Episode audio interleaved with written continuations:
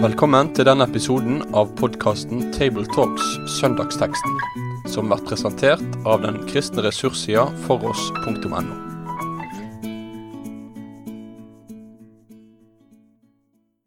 Velkommen til en ny episode med Tabletalks.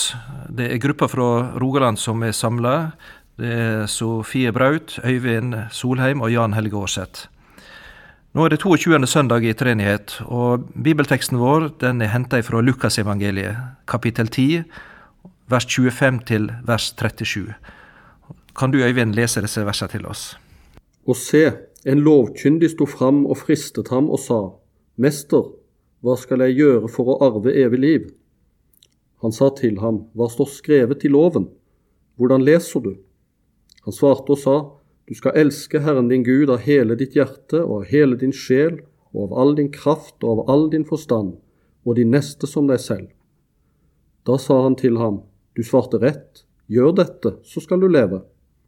Men han ville rettferdiggjøre seg selv og sa til Jesus, Hvem er min neste? Jesus tok opp dette og sa, En mann gikk fra Jerusalem ned til Jeriko, og han falt blant røvere. De både kledde av ham og slo ham, og gikk bort og lot ham ligge igjen halvdød. Nå traff det seg slik at en prest dro ned samme veien, og han så mannen, og gikk forbi. Likeså kom en levitt til stedet og så ham, og gikk forbi. Men en samaritan som var på reise, kom også dit mannen lå, og da han så ham, fikk han inderlig medynk med ham. Han gikk bort til ham og forbandt sårene hans og helte olje og vin i dem. Og han løftet ham opp på sitt eget dyr og førte ham til et herberge og pleiet ham.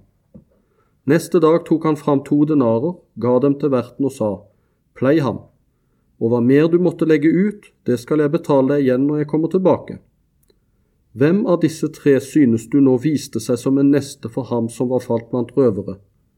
Han sa, den som viste barmhjertighet mot ham.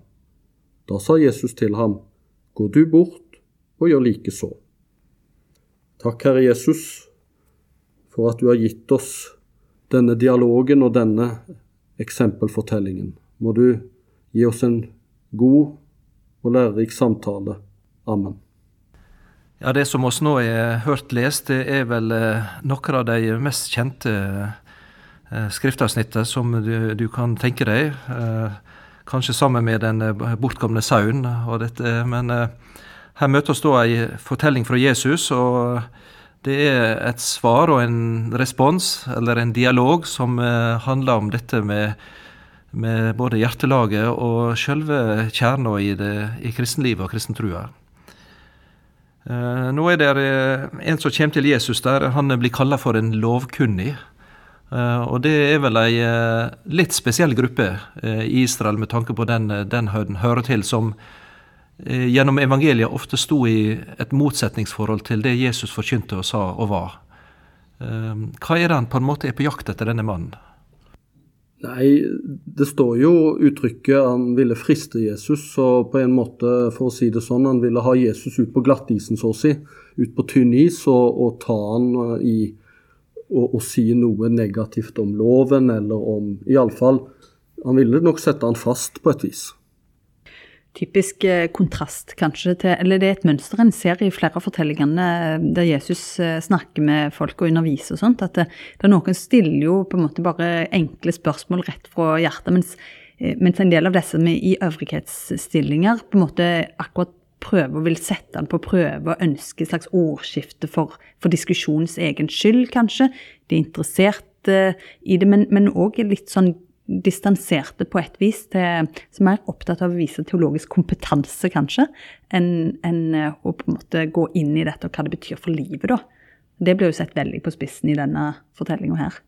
For en kan si at Det spørsmålet som Jesus blir presentert med, det er ikke en bagatell en småpjusk det er snakk om her. Er det, er det virkelig de store eksistensielle livsspørsmål? Og han tar opp dette med det evige liv, og, og, og hvordan kan en få gripe fatt i det? og eh, så det, det, er ikke småtteri egentlig som blir, eh, blir, ført ut i her. Nei, og, og han svarer jo umiddelbart uh, Han har jo skjønt at han har brakt på bane et sentralt spørsmål, for han svarer jo når Jesus spiller ballen tilbake om hvordan du leser og hva står i loven, så, så svarer han jo slik som Jesus òg oppsummerer loven og profetene. Elske Gud av hele deg, altså med hele deg, og de neste som deg selv. Så det er ikke noe perifert spørsmål han, han har, stiller Jesus her. Det kunne kanskje være interessant i vår tid, da, med tanke på dette å eie det evige liv. Og, altså det, det, handler om de store ting. Eh, hvor, hvor Jesus fører eh, oss hen med en gang. Mm. Du, Sofie, var litt inn på det i forkant her med tanke på hva er det på en måte Jesus har som, som kilde, eller hva, hva vei leder han liksom en gang inn på her? Ja, for vi snakket litt om det at denne, denne fortellingen her opptrer jo, altså selve fortellingen som Jesus eh, drar fram her, eh, om det barmhjertige samaritan, den, den, står jo ofte litt for seg selv, men rammefortellingen her gir jo en utrolig viktig påminnelse til oss alle i en tid der Bibelens autoritet gjerne står litt eh, ja, altså står litt for fall på en måte. Mange er kritiske til å mene at vi må bare, bare lene oss på eksempler, aktuelle eksempler for livet. Eh, og at eh, liksom det å gå til, til, Bibelen blir på en måte litt sånn teoretisk. Men er interessant at når Jesus får det spørsmålet, så spør han meg om hva står skrevet i lova. Hvordan leser du? sier Jesus. Altså Han leder denne lovkunnige rett til Skriftene eh, og rett inn i Guds ord rett og slett. Og det er jo en formidabel påminning i, som sagt, i vår tid, der, der mange eh, liksom stiller litt spørsmål med eh, betydningen av GT, sammenhengene mellom Gamle og Nye testamentet osv. Så, så Så jeg syns bare det er et kjempeviktig poeng i rammefortellingen her. Og så svarer altså denne lovkunnige det, dette som Jesus eh, også sier, du svarer rett. Altså han, han har kunnskapen om det, og han har på en måte den rette utgangspunkt. Eh, og da ser vi dette med, med, med, Guds lov og Guds vilje om å elske Herren din Gud og hele ditt hjerte og hele sjel, all din kraft og alt ditt vit og nesten din som deg sjøl. Eh, summen altså av Guds vilje og av Guds lov, det er kjærligheten. Eh, det er ikke den vrange, vonde, ødeleggende kraft, men det er det som virkelig skal være livets innhold og, og kilde i, i all tid. Og så legger jo på en måte Jesus vekten på at det er ikke likegyldig hvordan du leser. Fordi han får rett svar av den lovkyndige, men den lovkyndige vil på en måte videre og finne ut av mer. Og da kommer det kanskje mer fram òg at de har lest loven og diskutert disse lærde seg imellom. Det var visst ikke en sånn ukjent uh, diskusjon, dette med hvem er min neste. Hvem er min rea, eller det uttrykket som brukes. altså den, uh, Er det min landsmann, eller er det den fremmede som også bor i landet, eller hva, hvem er det? Og da, da, Jesus utfordrer oss til at det er ikke likegyldig hvordan vi leser. Også disse skriftlærde hadde nok en selektiv lesning de på en måte avgrensa hvem som var nesten. Iallfall gjorde essenerne en, en, sekt, en gruppe, det. Og de var veldig tydelige på at, at det var de som var lysets barn, som var min neste. Ikke fiendene, ikke de som var hedninger. Har du andre eksempel på hvordan de tenkte og lærte med tanke på det? Ja, altså Jeg har lest iallfall hos Oskar Skarsaune. Han siterer fra Siraks bok en, en, en, en fra apokry, de apokryfe bøkene, som ikke er en del av vår Gamle testamentet, men som nok var lest av ganske mange av disse skriftlærde. Og, og, og, og der leser, du, leser de sånn i Sirak 12.: Når du gjør godt, da se til hvem du gjør det mot så skal du få takk for dine velgjerninger. Gjør vel mot den gudfryktige, så skal du få gjengjeld. Om ikke fra ham, så dog fra den høyeste. Velgjerninger er ikke for den som alltid gjør ondt, eller for den som ikke selv er barmhjertig. Gi til den gudfryktige, men ta deg ikke av synderen. Gjør vel mot den undertrykte, men gi ikke til den ugudelige. Også den høyeste hater jo syndere. Gi da den gode, men ta deg ikke av synderen. Og det er klart, Hvis det var en te tekst som var utbredt og lest, så, så, skjønner vi jo litt av hvor uh, den lovkyndige kanskje vil dra samtalen. Og, og, det, og, det, med at jeg mener at det er selektiv lesning, er jo at der det står om at du skal elske de neste som deg selv, i uh, tredje Mosebok uh, 1918, så er det bare en del vers seinere, i vers 34, så står det om den som er fremmed i landet. Sånn at også de fremmede skal, er de neste. I bibelteksten, i loven. Men i diskusjonene blant de lærde så kan det virke som de prøvde å, å avgrense det til det er mine landsmenn som er mine neste. Det er de gudfryktige, de gode. Jeg tenker litt på, på, dette med, med, Det er jo litt interessant å tenke seg om denne lovkyndige. Han, han går kanskje gjennom en slags forandring òg, altså i møte rett og slett med Jesus. At selv om det står at han vil gjøre seg rettferdig, så kan det handle rett og slett om at han, at han vil rett og slett til bunns i dette. Han vil lære mer av Jesus. Han ønsker at Jesus skal åpne eh, ordet for ham. Og det, sånn sett, Vi vet jo ikke helt hva som skjedde i hodet hans, men, men, det er noe med den holdningen han kommer til, til ordet med òg. Eh, at det der rene sånn, Hvis det der å sette Jesus på prøve blir en mer sånn akademisk perspektiv og innfallsvinkel, så er altså det noe som på en måte tapper egentlig en sånn samtale for kraft, hvis en bare har en diskusjon for diskusjonens egen skyld. Eh, jeg syns det er spennende det som Magnus Malm skriver i sin siste bok, om at at uh, han skriver jeg kan ikke nærme meg Bibelen med et rent akademisk perspektiv og forvente å forstå budskapet. Eh, og så skriver han noe som jeg tror er viktig her, at det som kan åpne bibelordet for meg, er et enkelt ønske om å la det påvirke livsstilen min. Mm. Altså det å, å, åpne seg for at dette angår meg. Og det er gjerne noe av det vi ser skjer faktisk i denne teksten her, mm. eh, når vi følger undervisningen til Jesus. At, at en bønner med ordet, og så handler det om en holdning der en ønsker at dette skal påvirke faktisk livsstilen og de valgene en helt reelt gjør i møte med de menneskene en har rundt seg. Ja, for det er tydelig at Jesus eh, tenker langt utover en teoretisk kunnskap. At denne lovlærde visste og hadde lært at sånn og sånn var det. For han, han retter det direkte til han og sier 'gjør dette, så skal du leve'. Mm. Og da rammer han på en måte hjertet og, og, det som han er i det indre. Og, og det er tydelig at han blir på en måte berørt. da. Ja. Uh, og som du sier, Sofie, kanskje da at han, det er som en lengsel etter å få klarhet i dette. Mm. hvordan dette henger sammen. Og så kommer fortellinga, da eh, om det som Jesus går inn i. Og det er litt av en fortelling. ja. Det må ha gjort voldsomt inntrykk og bli, ha kommet litt som et overraskelse og sjokk for å på en måte ta eh, hvordan det må ha vært opplevd for en lovkyndig som kanskje nettopp har vært i det univers som Siraks bok og diskusjonene har gått i. Eh, hvor de har prøvd å på en måte avgrense hvem som er min neste. Og så forteller Jesus en fortelling hvor helten viser seg å være en fra de hatede, fremmede utlendingene, samaritanerne.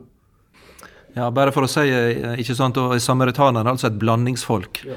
Som, som, eh, da var i Nord-Israel. Eh, Nord-Israel som ble tatt av asyrerne. De førte fremmede folk inn, og så ble det sånn Eh, ekteskap på kryss og tvers, og det ble en miks av religion med litt ifra loven ifra Mosebøkene og litt ifra den andre religionen der. og de hadde nå stående i opposisjon til det jødiske folk eh, med sin gudstjeneste på Garesim, da, og ble forakta og regna som urein av det jødiske folk. Også så sterkt at de faktisk ikke bevega seg inn i området. De gikk eh, Jordandalen opp og ned fra Galilea der når de skulle til Jerusalem. Ja, og Konfliktnivået leste at, at det ikke altså på Jesu tid, ikke så lenge før mye av dette med samaritanerne skildres i Jesu møte med dem og de skriftlærdes møte med dem, så, så, så fortelles det om en slags terroristaksjon i tempelet i Jerusalem, hvor samaritanere har spredd ut menneskebein inni tempelet, altså gjort det urent. Eh, og det er klart at det er ganske inni det aller helligste på en måte, helligste området for jødene. Og det er klart at det har vært ganske intenst og hatefullt tidvis, dette forholdet mellom samaritanerne og, og jødene. Og, og, og, da forstår vi kanskje hvor faktisk provoserende og sjokkerende egentlig helten til Jesus er i, i denne eksempelfortellingen. For er det litt sånn, sånn som ble, dere sa her eh, innledningsvis, at dette er jo en av de mest, absolutt mest kjente tekstene i det hele tatt fra Nytestamentet. Og det mest uh, gjenfortalte av uh, Jesu fortellinger. Mm. Uh, og, og, det kan jo hende, for, for, det er jo nærmest sånn at folk som har hørt om, om samaritan i dag, forbinder det med noe positivt. da. Mm. Sånn at eh, selve teksten har jo påvirka oss mm. eh, til å tenke annerledes om disse uttrykkene og, og, denne folkegruppa. Sånn at vi nærmest tenker at samaritaner ja, det er en sånn hjelpsom, mm. eh, hjelpsomt folkeslag. Mm. Men, men, det gjør jo at vi kanskje mister litt av det der eksplosive provokasjonspotensialet som ligger i denne teksten, altså. Så vi må det, det er viktig å komme inn i denne her mm. Men nå har vi på en måte tatt konklusjonen, eller eh, sånn som den på en måte må ha vært opplevd, men, men må kanskje gå litt inn i fortellingen fra starten òg. Altså, eh, ja, Hvis en reiser til Israel i dag, så er det litt Mye av disse bibelske plassene er veldig forandra og nedbygd og sånne ting, hvis du tenker Jerusalem og sånt, men akkurat denne plassen her Eh, veien fra Jerusalem og ned til Jeriko og Dødehavet den er relativt uforandra. Mm. Eh, så hvis en er på reise der, så er det faktisk ikke så vanskelig å forestille seg altså dette eh, øde området med sine svingete, bratte veier og, og skrenter og fjell, at her er, det, er du litt forsvarsløs. Mm. Slik som denne mannen var, og, og som han ble overfalt da. Og blir liggende der hjelpeløs på, på et øde område i de bratte veiskråningene der og er totalt uh, overlatt andres i barmhjertighet hvis en skal overleve. Mm, og så kommer disse, da. Den ene etter den andre ned. Ikke så mange, men, men de som kommer, er nå først og fremst blant de ypperste av Israels folk. Det, det er sjølve eliten som uh, trår forbi her. Fromheten selv, på en måte. De, det var visst Jeg tror jeg har lest riktig når det var Jeriko var på en måte prestebyen framfor andre.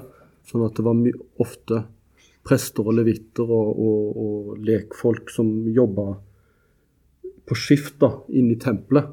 Reiste opp og ned denne veien her, da. Uh, men de var iallfall de som kom forbi først. Presten og levitten var iallfall representanter for fromheten. Uh, men de går jo rett forbi. Og De var begge knytta til uh, tempeltjenesten i Jerusalem, ikke sant? Mm. Uh, både leviten, altså med Levi stamme, som hadde tempeltjenesten og drift av selve tempelet som sitt ansvar, og prestene som sto for offertjenesten. og uh, Du kan mest ikke finne noe mer sånn ærverdige fromme på den jødiske skala enn det dette her dette framstiller. da. og de går forbi, og de har vel gode grunner også til det, ut ifra sin tenkning. Det er ikke bare at de uh, ser den forkommen, men de, uh, de, de, de, er vel redd for å ødelegge for seg sjøl på et vis. Ja, det er vel flere ting. Det ene er at de kan risikere å, å, å, bli urene hvis han viser seg å være død. Altså, fordi å røre ved lik, da måtte de gjennom et ukes ritual og forskjellig for å rense seg og sånne ting. Og så kunne de jo ikke, Han var jo avkledd. Det var ikke sikkert de kunne vite at det var en jøde eller hedning eller, eller, eller hva. sant? Var han så å si verdt å vise barmhjertighet mot.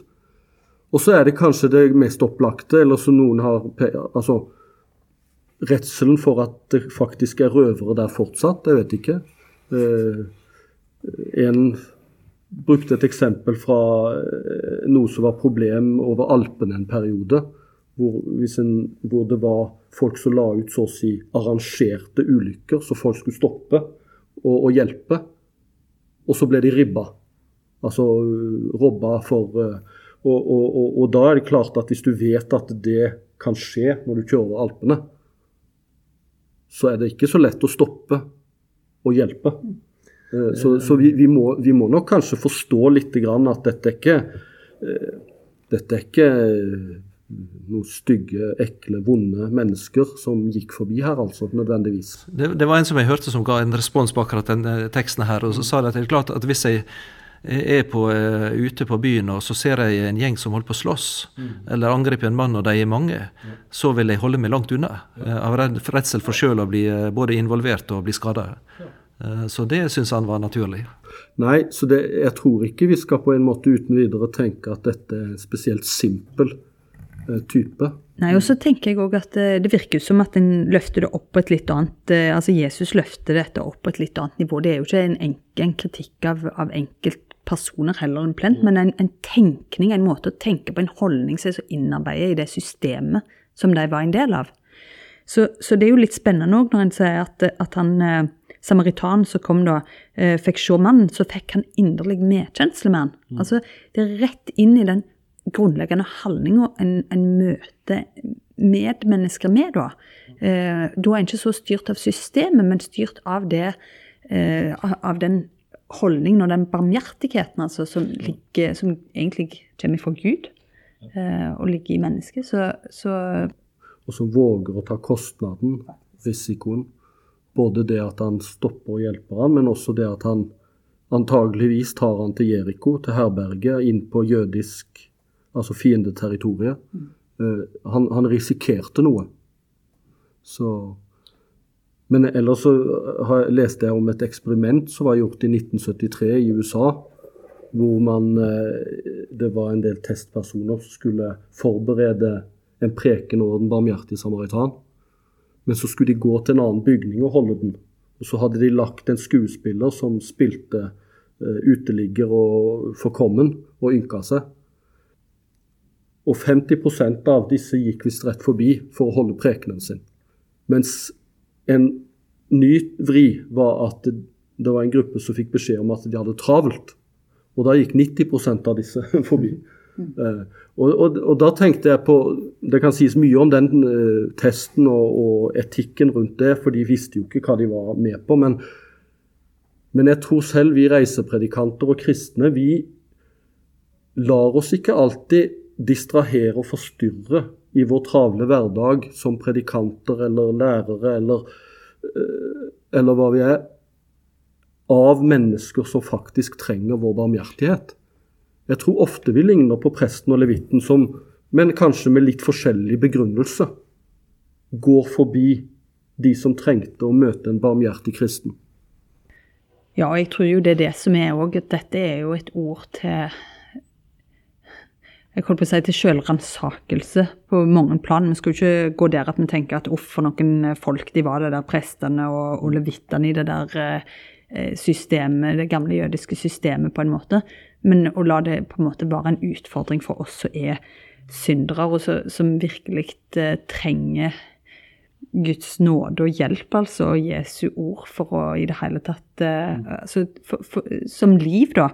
Eh, det er jo ikke en oppmuntring til en slags sånn moralisme at ja, ja, nå Vi, skal, vi blir utfordra på livsstil, men, men eh, samtidig så, så merker vi jo allerede fra det første ordet som blir sitert her, 'du skal elske Herren din Gud av hele ditt hjerte' osv., er jo det er mer enn noen kan egentlig klare å leve opp til. Det er jo hele tida det som er Jesus' sluttpoeng på en måte, enten det er eksplisitt eller implisitt, eh, at vi trenger Hans nåde.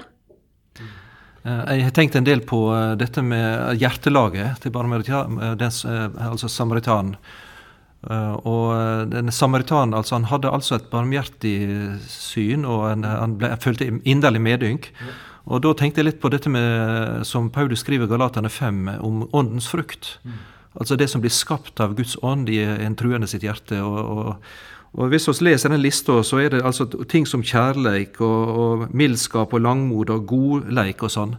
Og, og, da kan det, det er litt overraskende å se at dette som er den åndelige frukt, faktisk er veldig menneskelig. Mm. Det, det er retta direkte mot den neste eller andre mennesket. Eh, det er ikke en sånn sjølopphøgd, eh, salig følelse som en liksom lever i sånn en boble med. Nei, det, det, er, det er, blikket for andre. Mm. Og kanskje det dette, altså Jesus ville sagt at det som Gud vil gi og skape i oss, den ekte kjærligheten, det er akkurat det. Og egentlig, egentlig, handler det om frihet. Jeg har et lite hefte eller ei bok som er veldig fin, som heter 'The Freedom of Self-Forgetfulness'. Mm. Eh, og der ligger en frihet i det å glemme seg sjøl, og, og, og, bære og omkostninger, sånn som samaritanen her gjør.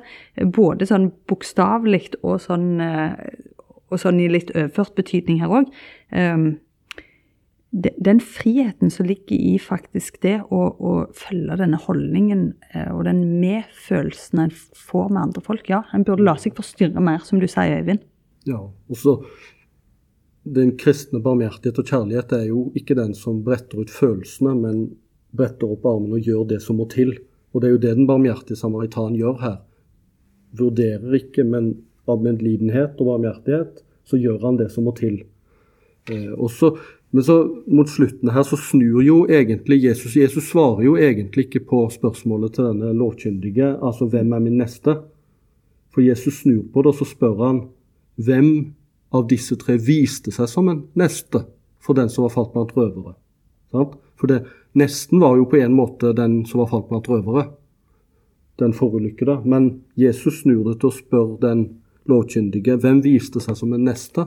Så snur han det på hodet og jeg har tenkt i mitt stille sinn òg at ja, kanskje den lovkyndige selv trengte å møte en slik neste. En slik barmhjertig neste. Eh, så Jesus snur alltid på ting og overrasker oss. Og mens vi er ute etter å vite hvem som er vår neste, så plutselig så presenterer han en kanskje fra de andre som viser seg å være en neste for meg.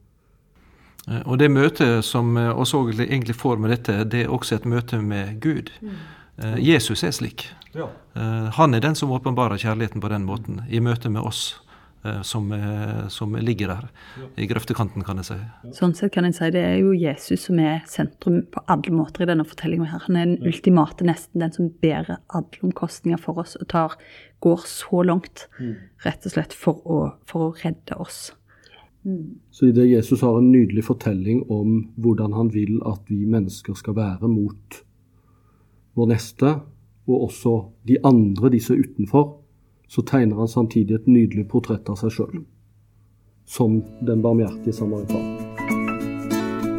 Med det sier vi takk for følget for denne gang. Finn flere ressurser, og vær gjerne med å støtte oss på foross.no.